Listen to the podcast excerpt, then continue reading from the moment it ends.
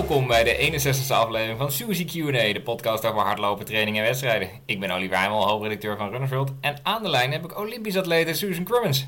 Suzanne, op mijn scherm zie ik je gewoon rechtop zitten, maar eigenlijk zit je op zijn kop aan precies de andere kant van de wereld, toch? Ja, klopt. Echt heel lastig om dan een podcast op te nemen. Maar uh, ja, nou, het went wel een beetje hier aan de andere kant van de wereld. Want waar zit je precies? Zit je in een soort studio?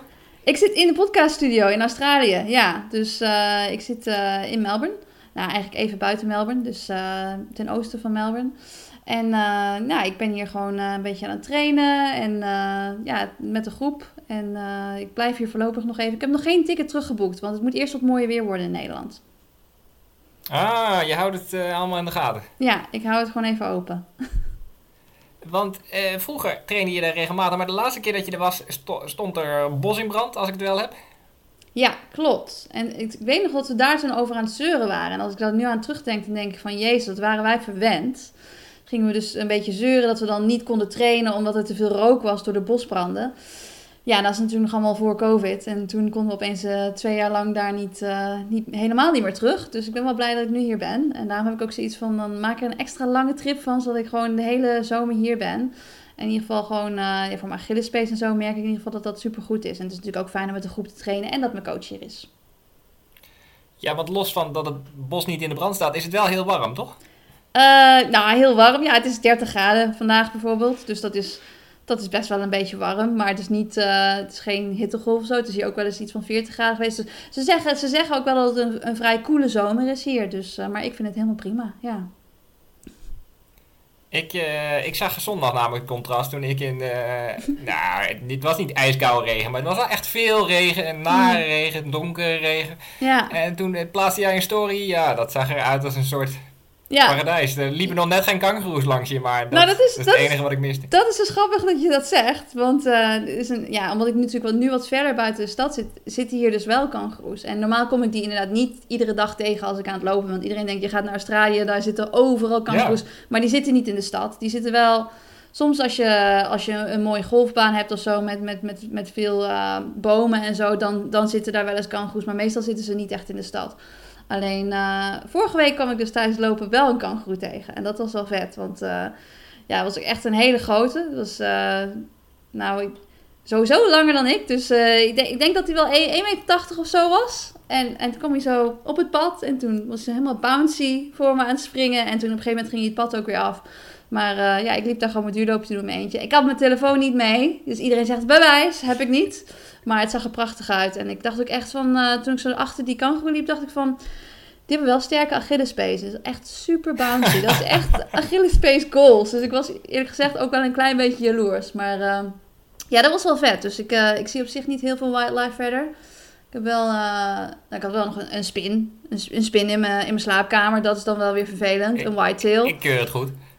Ja, en ook daarvan uh, vroegen weer mensen van, heb je niet een foto gemaakt? Maar ik weet niet hoe jij bent, maar als ik een spin zie, dan uh, ga ik meteen helemaal... Ja, ik was gewoon niet echt in paniek, maar dit is niet het eerste wat ik denk, ik ga mijn telefoon pakken. Ik denk eerst, die spin die moet dood. Um, maar hoe groot was de spin? Ja, weet je wat is een whitetail? Als, als die je bijt, dan, uh, dan heb je daar echt last van. Want er zit, dat, je gaat er niet dood aan. Maar dan, dan, ja, dan uh, graaft het gif eigenlijk een soort van gat waar je gebeten wordt. Dus dat, dat kan ook... Want we hebben het over een whitetail, zei je? Dus ja, en... Uh, staart aan? Of is dat gewoon ja, een soort wit, wit, witstaartspin heet het volgens mij in het Nederlands. Maar... Um, ja, weet je, als je dat online opzoekt, dan zal er ongetwijfeld bij staan dat het allemaal niet zo heel gevaarlijk is, omdat je er niet dood aan gaat. Maar uh, vandaag, Jij nog, weet beter. vandaag nog bij de training zei ik tegen een trainingsmaatje dat er dus een whitetail in mijn slaapkamer zat. En toen zei ze, oh ja, voordat ik uh, hardloopster was, was ik een keertje gebeten door een whitetail in mijn been. En toen kon ik niet op mijn been staan. En toen kon ik uh, drie maanden kon ik niet normaal wandelen door die, door die beet. Dus dat is wel echt iets wat je nou ja, wil voorkomen. Dus dat vond ik wel best wel spannend. En toen, uh, maar toen kwam uh, Matt, de broer van Andrew, kwam to the rescue. En die kwam de kamer in om te griepen. En toen dacht ik, ik hou die spin in de gaten. Ik ga je niet weglopen om iets te pakken. En toen kwam hij binnen en toen pakte hij mijn Pegasus 34, mijn favoriete schoen. de linkerschoen nog wel. En daar sloeg hij hem dus mee plat. Was mooi, want ja, ik heb niet meer zoveel van die schoenen. En toen zei ik, oh, het is oh, ja. En, en, en, toen was de spin dood en toen was het allemaal opgelost. En sindsdien gaat het heel goed met mijn Achillespees. Dus we hebben ze iets van, ja, alle bad vibes van die spin en Achillespees allemaal gewoon weggegaan doordat die spin niet dood is. Dus, ja. Verder doe ik niet aan bijgeloof, hoor. Jij lag met Andrew in de kamer en toen moest zijn broer komen om de spin te doden? Of? Oh, maar Andrew is heel erg bang voor spinnen. Dus uh, die, die liep sowieso al weg. Die dacht gewoon, Suus, zoek jij het maar uit. En toen zei ik van, ja, Matt, kom even helpen. Want uh, ik heb niks in mijn handen en ik ga me ook niet omdraaien. Want als die spin al weg is, dan ga ik sowieso niet meer slapen. Want dan weet je dat er een spin in je kamer zit. Dus, uh, dus dat. Jongen, jongen. Ja, dus allemaal... En, oh ja, en dan nog één andere. Ik heb ook nog... Ja, dat was eigenlijk mijn allereerste duurloopje. Want toen ik hier aankwam, moest ik wel eerst in quarantaine. Ehm, en nou, gelukkig had ik hier een loopband, dus ik kon hier wel gewoon trainen. Maar toen mijn eerste loopje dat ik dus buiten deed, um, nou, toen liep ik gewoon in mijn eentje op, op, een, uh, op een pad hier. En, en toen, uh, ik was eigenlijk te laat opgestaan. Ik was te laat gaan lopen. Maar dat is natuurlijk wel, als het warm is, is het wel beter om een beetje vroeg te lopen. Ik was pas om tien uur begonnen en toen was het al behoorlijk warm. En het was mijn eerste duurloopje buiten. Dus ik was een beetje, ja, hoe zou ik het zeggen, niet helemaal Berlijn, maar ik was wel een beetje gedesoriënteerd. Omdat ik gewoon een beetje, ja, te warm. Ik had geen, natuurlijk geen drinken mee, omdat ik in mijn eentje was. Dus ik was gewoon ja, blij als ik weer, uh, zeg maar, terug bij de auto zou komen. En het was nogal veel bergop op de terugweg. En um, ja, uh, de broer van uh, Andy had tegen mij gezegd van ja, je moet wel niet vergeten op dat pad, er, zitten, uh, zijn ook altijd heel veel fietsers en die komen best wel hard de berg af. Dus je moet niet vergeten dat we natuurlijk in Australië wel links aanhouden. Dus dat je niet ervan schrikt en dan opeens naar rechts springt en dan wordt aangereden door een fietser of zo. En dat had ik wel onthouden, dus ik had zoiets van nou, ik moet heel erg ervoor zorgen dat ik links op het pad blijf lopen. En dus ik, ik liep helemaal gewoon langs de rand. Gewoon dicht langs de rand van het pad. En uh, op een gegeven moment keek ik zo'n beetje vooruit. En ik was een beetje moe. En toen zag ik een meisje daar staan. Iets van 100 meter van me af. En, en ik kon zien dat ze, iets, dat ze iets zei. Alleen ik had mijn oordopjes in en ik was naar muziek aan het luisteren. Dus ik, uh, ik wist niet of ze het tegen mij had of niet. Maar ze stond dus een beetje zo, zo'n soort van, uh, ja, slangendans te Macarena? doen. Slangendans eigenlijk, met de armen. zo. Oh. En ik dacht van, ik dacht van, hé, hey, die move die doe ik ook altijd op de dansvloer. Leuk. Um, en, maar ik begreep het niet, omdat ik natuurlijk ook een beetje moe was en een beetje warm en zo. En, en toen, toen, echt, toen ik pas vlakbij er was, toen deed ik mijn oordopje uit en toen hoorde ik roepen, Snake! en ik stond er inderdaad gewoon bijna op, omdat hij dus inderdaad links uit de bosjes kwam en ik helemaal links langs, het, langs de rand van het pad liep. En echt super snel eromheen gerend. Maar ja, ik stond er gewoon bijna op. Dus dat was, uh, dat was de slang. Dus ik heb, uh, ja, ik weet niet of dat de big three zijn, maar ik heb wel... Uh, drie dieren gezien die we in Nederland niet zo heel veel tegenkomen. Dus dat, was, uh, dat ging net goed. Maar dat meisje was dus zo vriendelijk om een slang tegen te komen. Wat bij een grote slang toch wel een reden zou zijn om hard weg te rennen. En die bleef erbij staan en die ging een slang nadoen voor de mensen die eventueel in de buurt van de nou, slang zouden komen. Ze had dus al gewoon daarvoor geroepen, maar omdat ik er gewoon niet helemaal bij was. Ik, ik, uh, ik dacht, eh, waarom staat dat meisje daar te dansen in de eentje op pad? Is heel raar in het bos. waarom doe je dat? Weet je, dus ik, ik had helemaal niet bij nagedacht van misschien probeert ze me voor iets te waarschuwen. Terwijl er ja, anderen bij uh, in de buurt liepen ook, die ook zoiets hadden van, nou wanneer gaat dat meisje nou een keertje aan de kant, weet je? Dus gaat ze nog om die slang lopen of gaat ze er gewoon echt op staan? Dus uh, ja, dat ging net goed, maar ik weet ook niet of hij gevaarlijk was. Maar ja, het is sowieso, ja, ik weet niet, ik hoef niet per se te knuffelen met een slang. Dat is niet iets wat ik echt op mijn wishlist heb staan, nee. Nee, ik ben wel eens in zo'n dierenpark geweest waar dat kon. dat heb ik ook beleefd overgeslagen. Oh ja, god. Nee, dat is. Uh, dus, ja, jij nog dieren tegenkomen dan? Uh, ik moet hard nadenken, maar uh, nee, nou, jawel. Eh, ik, ik, ik stond hier voor mijn slaapkamerraam zomaar. En toen kwam er een hond voorbij en een hele grote... Ik ga poedel zeggen, maar dat is natuurlijk niet het woord, maar ik ken maar twee woorden, poedel en tackle. uh, met zo'n hele grote, beetje fluffy witte hond. Ja, en ik, noem, ik noem iedere vogel ook een mus, dus dat is een beetje hetzelfde idee. nou ja, maar hij rende, was echt heel zielig. De hele straat af, het is echt een lange straat met, met zijn lijn tussen zijn benen. Ja. Dus ik, nou, ik ben niet echt een hondenfan, maar ik vond het zo hartverscheurend omdat beest zo hard te zien rennen. Er gingen ook allemaal auto's aan de kant en zo. Mm. Dus ik rende naar beneden en ik zei tegen mijn vrouw, dit is niet goed. Dit is niet goed. Die hond, die, die, ja, ik kon er niet over uit. Dus ik naar buiten, maar ik zag die hond niet meer. Terwijl, ja, dat pad houdt wel een beetje op achter ons huis. Dus ik ben heel benieuwd waar die verdwenen is. Mm. En ik heb daar gewoon drie minuten een beetje ontredderd op de hoek van de straat gestaan. Omdat die hond zo, zo bang leek. En toen stopte er een auto met twee oude mevrouwen. En die zei... Uh, onze hond is net gebeten door een pitbull en echt een paar buurten verderop. En is sindsdien gewoon aan het rennen. Oh. Ja, het was echt heel zielig. Want toen heb ik tien minuten naar die hond gezocht. Maar ja, ik wist ook niet hoe de hond heette of zo. Dus het had niet vreselijk veel zin dat ik hond riep. Maar ja, ik wilde toch iets doen.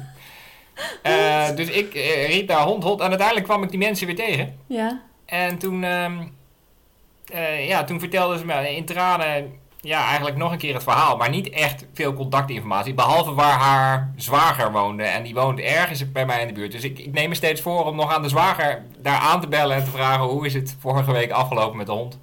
Ja. Uh, maar toen hoorde ik nog twee verhalen van mensen wiens hond die dag door een andere hond was gebeten. Dus ik en mijn vrouw denkt een beetje dat het de maanstand is of zo. Gevaarlijk. En ja, ja want jij bent, je bent ook echt, als jij loopt ben je wel bang voor honden, toch? Je houdt er niet van een hond uh, tegen ja. te komen. Ja, mensen merken dat niet, want ik ga gewoon ruim op tijd al opzij, zeg maar. Dus men, mensen die laten een hond uit en die denken, goh, ik ben weer geen hardloper tegengekomen. Maar dat klopt niet. Je kwam alleen tegen, maar die dag al honderd meter. bosjes in. Oh, dus dat jij naar de hond ging zoeken, is toch wel bijzonder. Ja, nou, deze, deze was ook wel heel schattig. Oh, oké. En ik kan me ook de hondreddering voorstellen als je hond zomaar door een andere hond gebeten wordt. Ja, nee, dat is waar. Dat is natuurlijk ook de reden dat het hardlopen niet zo lekker is om hond tegen te komen. Dus. Nee, nee. En, en uh, de, nou ja, de desoriëntatie na de eerste dag kan ik me ook wel iets bij voorstellen. Want uh, ik kwam terug, ik was even op vakantie. En toen kwam ik terug en toen had ik een uh, fotoshoot de volgende dag. Althans, ik was bij een fotoshoot. Gewoon, uh, ja, dat heb je -hmm. soms als hoofdredacteur. Dan sta je gewoon ja. een paar uur lang uh, vriendelijk te knikken ergens in Amsterdam. En, uh, en je duim op te steken naar de fotograaf. Ja, je kent het wel. het is lastig om mijn rol daar te overschatten. Maar, um, en ja, ik was natuurlijk net terug. En ik was op de fiets daarheen gegaan. Nee, nee, eerst met de trein naar Amsterdam en dan op de OV-fiets naar die studio. Dat was allemaal best een tocht. En toen op die shoot was er een videograaf en die zei, ik kom ook in Den Bosch wil je een lift terug? Dus ik denk, ah, dit is goud. Ja. En toen zei hij nog, uh, woon je in de buitenpepers? Want uh, mijn beste vriend die woonde vroeger in de buitenpepers. En ik kwam daar veel thuis. Dus ik, nou, grappig. Dus wij rijden naar huis. En hij rijdt zo de buurt in en hij zegt, dat huis met die, met die basketkorf in, in de tuin, daar kwam ik altijd. Ik zei, nou, zo ongelooflijk, is mijn huis. En toen waren we echt nog ver van mijn huis.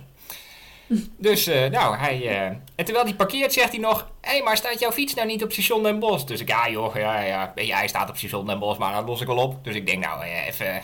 Ja, eens een kwartiertje lopen of zo naar Den Bosch. Dus uh, dat doe ik. En ik ben thuis en uh, s'avonds voel ik opeens de sleutel van mijn OV-fiets in mijn zak.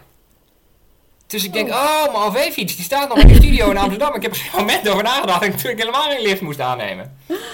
Oh, en uh, ja, het is een beetje zielig voor de mensen die ook mijn voorwoord lezen, want nu, verge nu geef ik het helemaal. Maar goed, dat komt pas uh, vandaag, morgen uit. Dus, uh, dus de volgende dag, ik naar Amsterdam. In de hoop dat mijn OV-fiets er überhaupt al stond, want het was gewoon in de binnenstad in zo'n zijstraatje. Mm. En dus ik loop naar die fiets. En, maar ik kan net niet zien of mijn fiets er nog staat, want er is een meneer die parkeert zijn busje net voor die fiets. En die meneer die stapt uit, een oudere man met een, met een, met een, met een paardenstaart. dus ik probeer er omheen te lopen om te kijken of mijn fiets bij zijn busje staat en ik kijk opzij, is het mijn oud-trainer Frans thuis? Die nou. Ja, ja, ja, hij was net uh, zijn dochter aan het helpen met een verbouwing. Dus hij zei, uh, nou, neem de ladder mee, uh, pak een kop thee. Dus ja, nou, anderhalf uur later ik naar huis, hartstikke tevreden.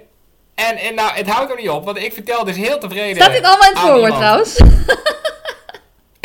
het staat allemaal in mijn woord. Past allemaal. Nou, ik ga iets meer detail nu.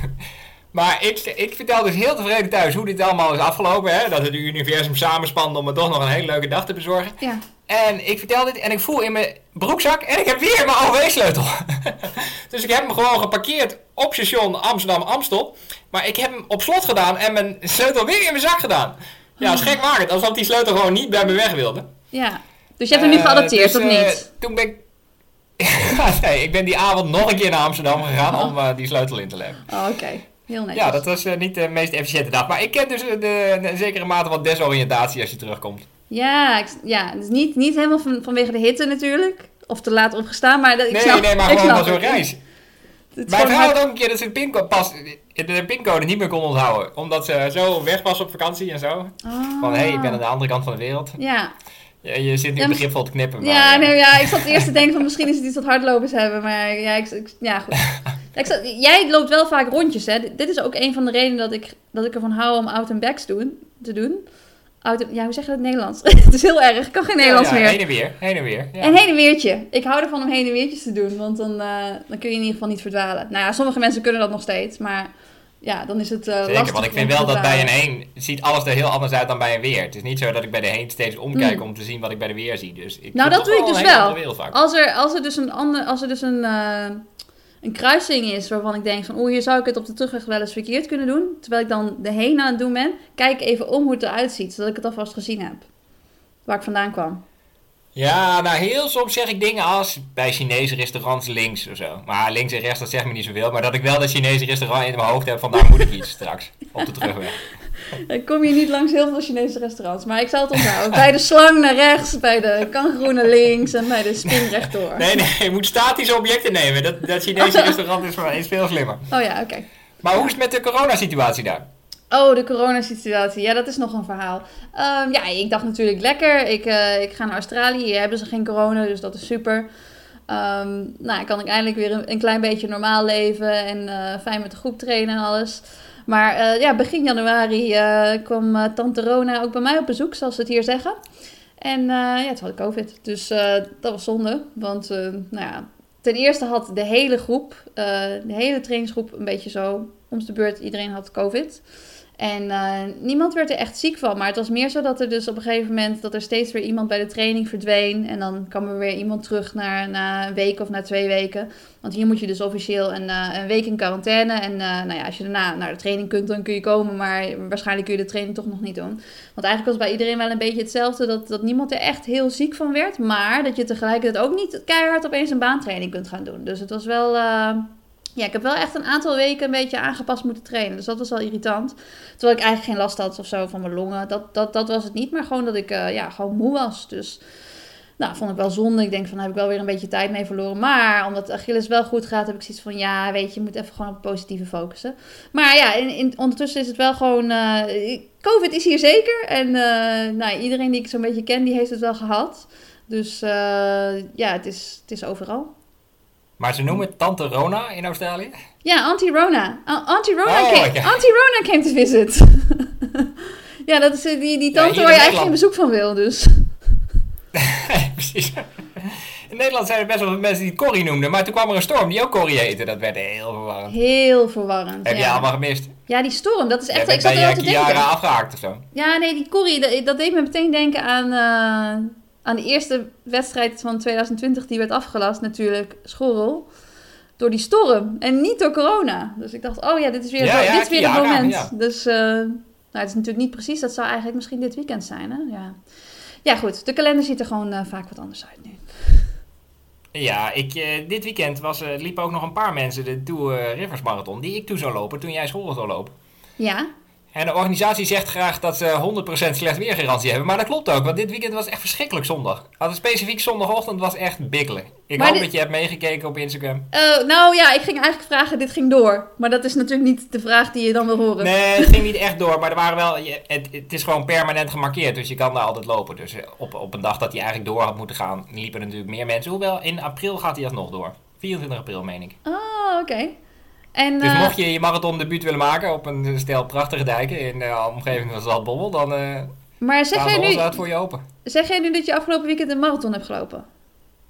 Nee, ik heb niet uh, gelopen. Nee, daarvoor was het echt te, te, slecht weer. Bovendien heb ik een hele rare kwaal. Oh, je bent mooi weerloper. dat is elke keer goed verhaal dit. nou, dat ook.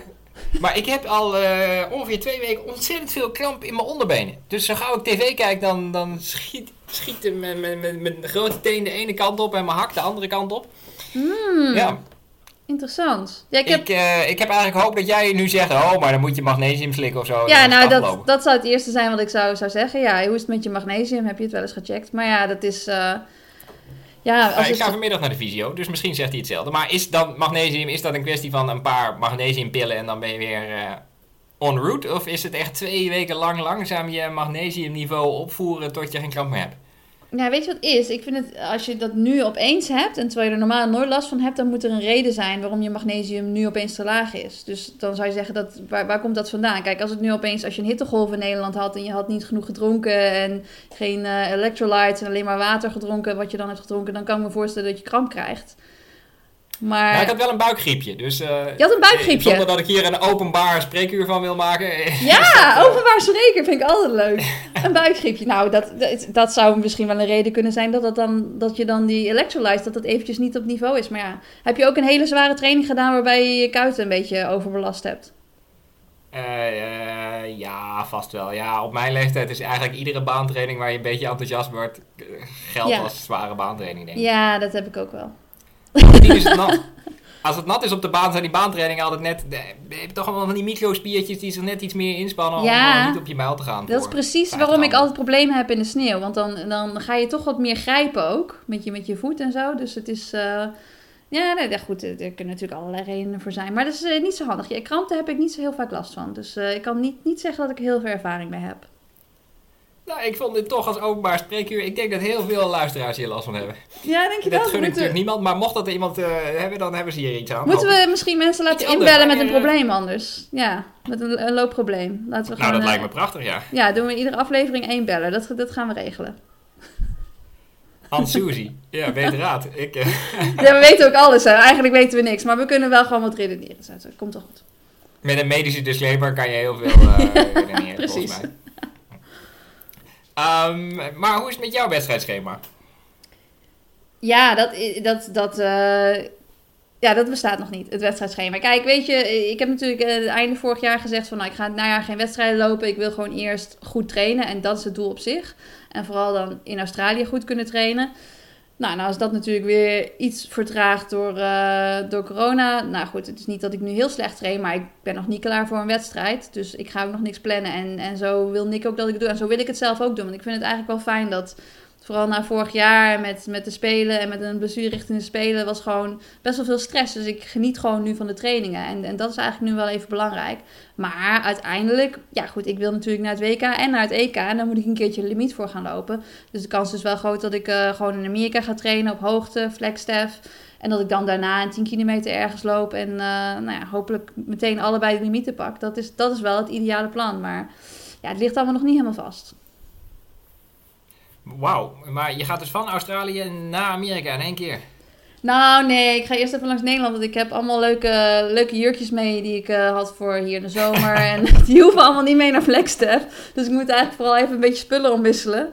En het was ook nooit het plan om, om zoveel maanden weg te gaan. Kijk, dat is natuurlijk wel heel lang. Dat zou dan vanaf uh, december tot uh, nou ja, mei zijn of zo. Dus ik vind het ook wel leuk om eventjes thuis te zijn. Um, Want de post in jouw eh, appartement die stapelt zich langzaam op tot brievenbushoogte ook, of? Uh, nou, nee, mijn ouders die zijn natuurlijk uh, in, in december en januari eventjes uh, de plantjes komen water geven. En, en we hebben even de post gecheckt. En inmiddels is Andrew ook terug, want die moet gewoon werken. En daarvoor moet hij gewoon in Nederland zijn. Dus, die is inmiddels terug. Maar dus, ik ben nog jij hier. Jij bent bij zijn ouders en hij is terug in Nederland? Ja, klopt. Wij doen altijd gewoon de kidswap. Is leuk, hè? Dan ruilen gewoon, ja. Dus, uh, en ja, hij heeft ook zijn, uh, normaal is een, goed, zijn verjaardag is in januari. En normaal als hij voor zijn verjaardag is hij ook gewoon met mijn familie aan het vieren. Dan ben ik met zijn familie aan het vieren. Alleen dit jaar was hij wel voor zijn verjaardag, dus dat was wel gezellig. ja. Oh. Ja. Hey, uh, over Flagstaff gesproken, dat herinnert me aan, uh, aan Grete Koens, de voormalige bondscoach. Ja. En daar las ik een heel interessant interview mee op uh, Hardloopnetwerk. Mm En zij vertelde dat er eigenlijk heel weinig vrouwelijke coaches in de atletiek zijn. Ja, dat is ook zo. Sowieso in de sport. Ja. Dat is jou ook opgevallen. zij, zij beschouwde dat als een gemis. Zie je dat ook zo? Ja, zeker. Ja, en, en wat ik dus in, in Amerika is het ook zo dat zeg maar, veel meer uh, college teams er nu ook voor kiezen om er een vrouwelijke coach bij te nemen. Zodat ze dus, zeg maar, toen ik bijvoorbeeld in Amerika begon met studeren, was er één mannelijke coach voor het hele team. En dat was bij heel veel universiteiten zo. En nu is het steeds vaker zo dat ze er dan een vrouwelijke coach bij nemen die dan het vrouwenteam coacht. En sinds ze dat hebben gedaan bij verschillende universiteiten, zie je ook dat die universiteiten beter presteren uh, op het NCA-level. Dus nou ja, dat, dat geeft al aan dat, ja, dat die connectie en nou ja, dat dat toch net iets meer biedt dan dat het alleen een mannelijke coach is voor het hele team. Dus ja, ik vind het wel jammer dat het op heel veel plekken dat er natuurlijk, ja, heel vaak zijn er niet uh, twee coachingrollen. Het is natuurlijk echt een luxe om dat te hebben, zoals dat in Amerika hebben. Maar um, dat het blijkbaar nog niet het vertrouwen is dat een vrouwelijke coach uh, ook een betere coach kan zijn dan een man. Dus ja, dat, ja, ik weet niet zo goed waarom het niet, waarom je het in de, in zeg maar de grote rollen bij, bij, bij federations en zo zie je inderdaad vaker dat het mannelijke coaches zijn. Dus ik hoop wel dat er ooit verandering in komt. Maar ja. Er zijn denk ik ook iets meer mannelijke coaches, toch? Op de baan dan op de... Sorry? Dan vrouwen. Nou, het is niet alleen op bondsniveau, maar ik denk gewoon als ik uh, bij een atletiekwedstrijd langs de baan ga, ga staan, dat ik ook meer mannelijke coaches zie. Ja, dat klopt. En, en de vrouwelijke coaches die je dan ziet, die, die zijn ook gewoon, uh, dat zijn gewoon allemaal topcoaches. Dat zijn geen koekenbakkers. En dat is ook de reden dat ze natuurlijk in de sport zijn gebleven en dat blijven doen. Omdat ze gewoon echt heel goed zijn in wat ze doen. Dus uh, ja, ik denk dat als je kijkt naar uh, kwantiteit en kwaliteit, dat er waarschijnlijk meer kwalitatief goede, vrou goede vrouwelijke coaches zijn. Maar dat er inderdaad veel meer mannelijke coaches zijn. Dat klopt. Maar ik heb een verklaring daarvoor. Die gaan ja. misschien ook wat eerder, uh, zeg maar, in baan 3 staan of zo bij de aanmoedigen. Wij mannen zijn over het algemeen nog iets onbescheidener dan vrouwen. De mannen gaan eerder in baan 3 staan, zeg jij? Nou ja, stel je loopt de 800, dan, dan staan er altijd coaches zo op het 200 meter punt. Ja. Je kan natuurlijk een beetje aan de buitenkant blijven, maar je kan ook half die baan op. En je zegt dat mannelijke coaches dat doen? ja, ja, toch eerder denk ik. Ja, als man ja. duw je jezelf toch iets meer naar voren. Ja, ik denk dat de vrouwelijke... Dus misschien zijn die vrouwen coaches er wel, maar vallen ze gewoon niet op. Nou, ik denk dat de vrouwelijke coaches misschien eerder het vertrouwen hebben... dat ze alles al wat ze aan, tegen de atleet hadden moeten zeggen voor de wedstrijd... dat het al gezegd is. je kijkt hier heel tevreden bij, maar... Ja, want zo zou, je, zo zou ik willen... voor jezelf verder aanmoedigen. Zo zou ik willen coachen. Als ik een atleet heb die een wedstrijd loopt en als ik erbij ben... dan zou ik tijdens de wedstrijd niet per se iets, iets hoeven te zeggen. Natuurlijk zou je wel iets willen zeggen. Um, maar het moet niet nodig zijn. Als je er niet bij bent als coach, moet het ook goed gaan. Ik vind het op de training al lastig. Als gewoon een ander groepje voorbij komt, dan wil jij beleefdheid wel iets zeggen. Maar wat zeg je dan? Dus dan hoor ik mezelf dingen zeggen als... Hup! hup. Ja. In synchroon ook nog, hup. Ik vind hup goed, want het is net of je gewoon uitademt en dan kun je tegelijkertijd hup zeggen. hup, 1, 2. Jij hebt dat dilemma niet, merk Ja. Nee, nee, wij moedigen elkaar wel aan hoor, bij de training ook. Vanochtend ook, want ik had vanochtend een grasbaantraining en het was echt een pittige training. Uh, we deden lekker, uh, nou ja, ik ga niet het hele programma vertellen, het is een lang programma, maar onder andere in het programma zat dus een 3000 waarbij je dus eerst drie rondjes op één tempo loopt, dan uh, een kilometer een tandje sneller en dan nog 800 meter weer sneller. Uh, ik kan je zeggen, het was, uh, het was een slagveld, maar iedereen was elkaar wel aan het aanmoedigen, dus dat is wel leuk.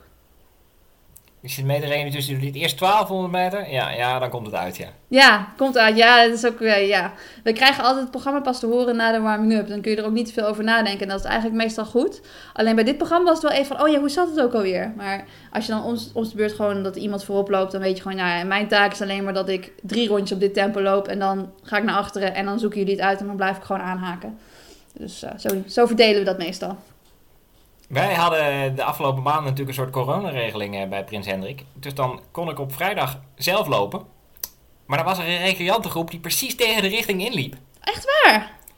Uh, ja, en het, ik had niet echt het zelfvertrouwen om... Ik probeerde natuurlijk met mijn blik en af en toe ook wel met mijn armen duidelijk te maken... dat ik toch echt de goede kant op liep. Want het is best ingewikkeld als mensen tegen, tegen de richting inlopen... en je weet ook niet precies wat ze gaan doen. Of zij naar baan 2 gaan of zo. Ben je toch ieder rondje vooral bezig met het vermijden van een botsing. Ja, ja, ik vind het wel eigenlijk, dat is, uh, dat is tegen de, de atletiekbaan ja, een hoor. regel, hè, maar ik heb het niet echt bij de atletiekbaan gevonden, van hier lopen we tegen de klok in. Het is meer iets. nee, en ik zou zeggen dat je dan, als je dan uh, de verkeerde kant op loopt, dat je dan eigenlijk niet per se in baan 1 hoeft te lopen, maar uh, ja. Nee, oh, nee, dat had natuurlijk deel van mijn boodschap kunnen zijn, maar ik heb niks gezegd. Maar ik ben ook niet dezelfde kant op gelopen. Dat was natuurlijk nog socialer geweest. Omdat te denken, ah, what the heck, dan doen we het zo. Ja, ik zou dat dus niet kunnen, hè. Daar ben ik dus niet voor gemaakt. Ik ben echt gemaakt gewoon voor links afslaan. Uh, ja, het is ook wel goed om dat te trainen, toch? Want mensen zeggen je moet afwisselen, maar als je in de wedstrijd ook gewoon knetterhard links af moet, dan, dan moet je dat vooral kunnen. Ja, nee, dat klopt. En er was een uh, wedstrijd in, uh, hier in Australië, Noosa Bolt. En dat was een, eigenlijk een grote triathlonwedstrijd, maar dan hadden ze ook ieder jaar een 5 kilometer wedstrijd. En het uh, was gewoon een rechte weg. En dan uh, aan het einde van de weg was de rotonde. En dan ging je de rotonde om. En de andere kant, daar ging je gewoon om een pionnetje heen. Maar het ene jaar liepen ze dus de ene kant op. En het uh, jaar erop liepen we de andere kant op. En ik deed het altijd heel goed als we linksom liepen. Dus zeg maar de keren dat ik gewonnen heb of op het podium heb gestaan, was altijd linksom.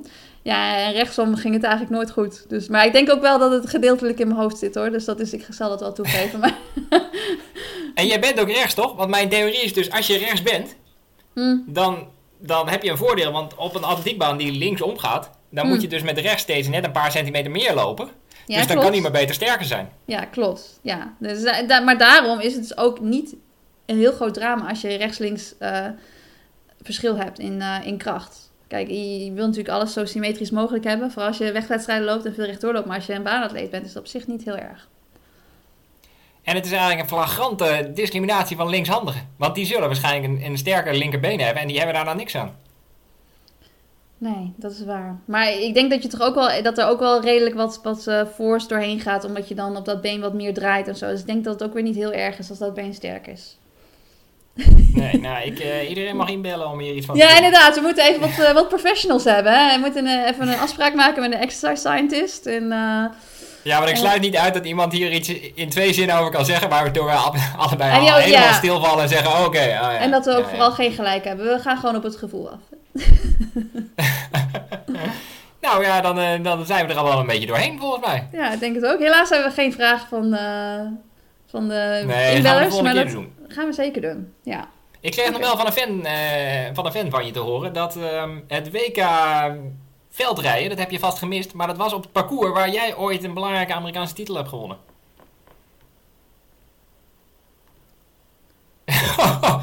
ik wou dat ik jouw gezicht nu met de luisteraar kon delen. Het is iets van ontzetting en schrik, maar het is hartstikke leuk. Oeh. Ik had natuurlijk even moeten opzoeken waar dat dan precies was, maar... Uh, oh, welke... Ja, de week... Een, ja, een de, titel. de NCA of de... de ja, mensen cross. nog een...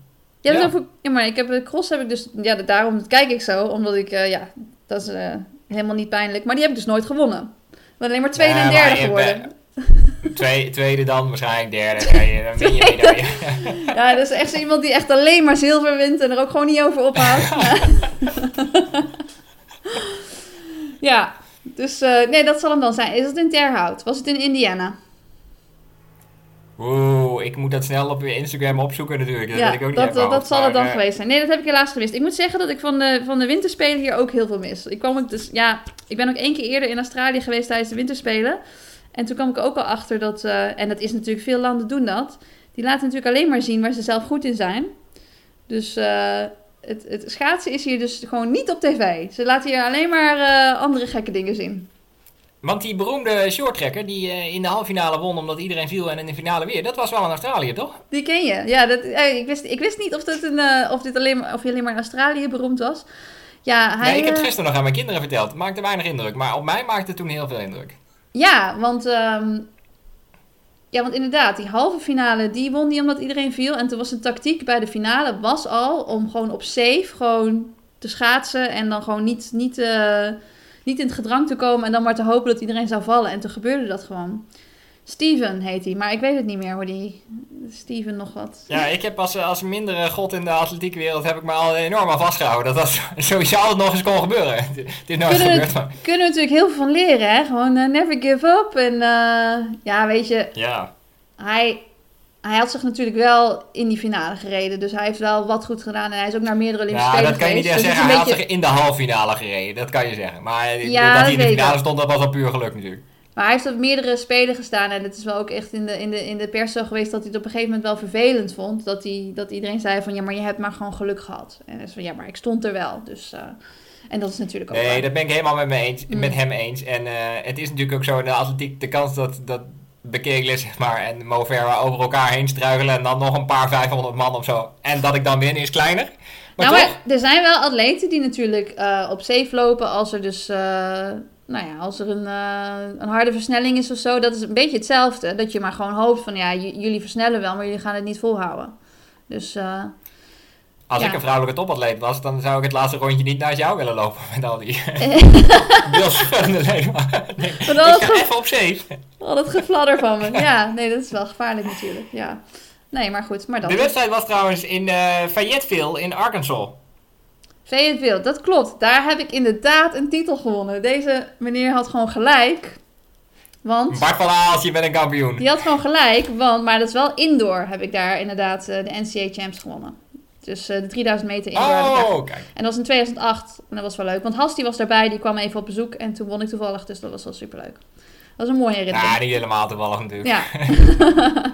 een beetje voor getraind. Nou, dan eh, hopen we op heel veel vragen de volgende keer. Ik zal er ook even een Instagram-postje uitgooien. Dat, uh, dat ja, we zijn weer terug. Ja. Weer herrezen. We gaan er een mooi jaar van maken. En eh, nou, dan dank ik jou voor, voor alles natuurlijk. en dan zijn we helaas aan het einde gekomen van deze 61e aflevering van Suzy Q&A. Dank Suzanne, dank beste luisteraars. Ook namens Suzanne, blijven luisteren en lopen.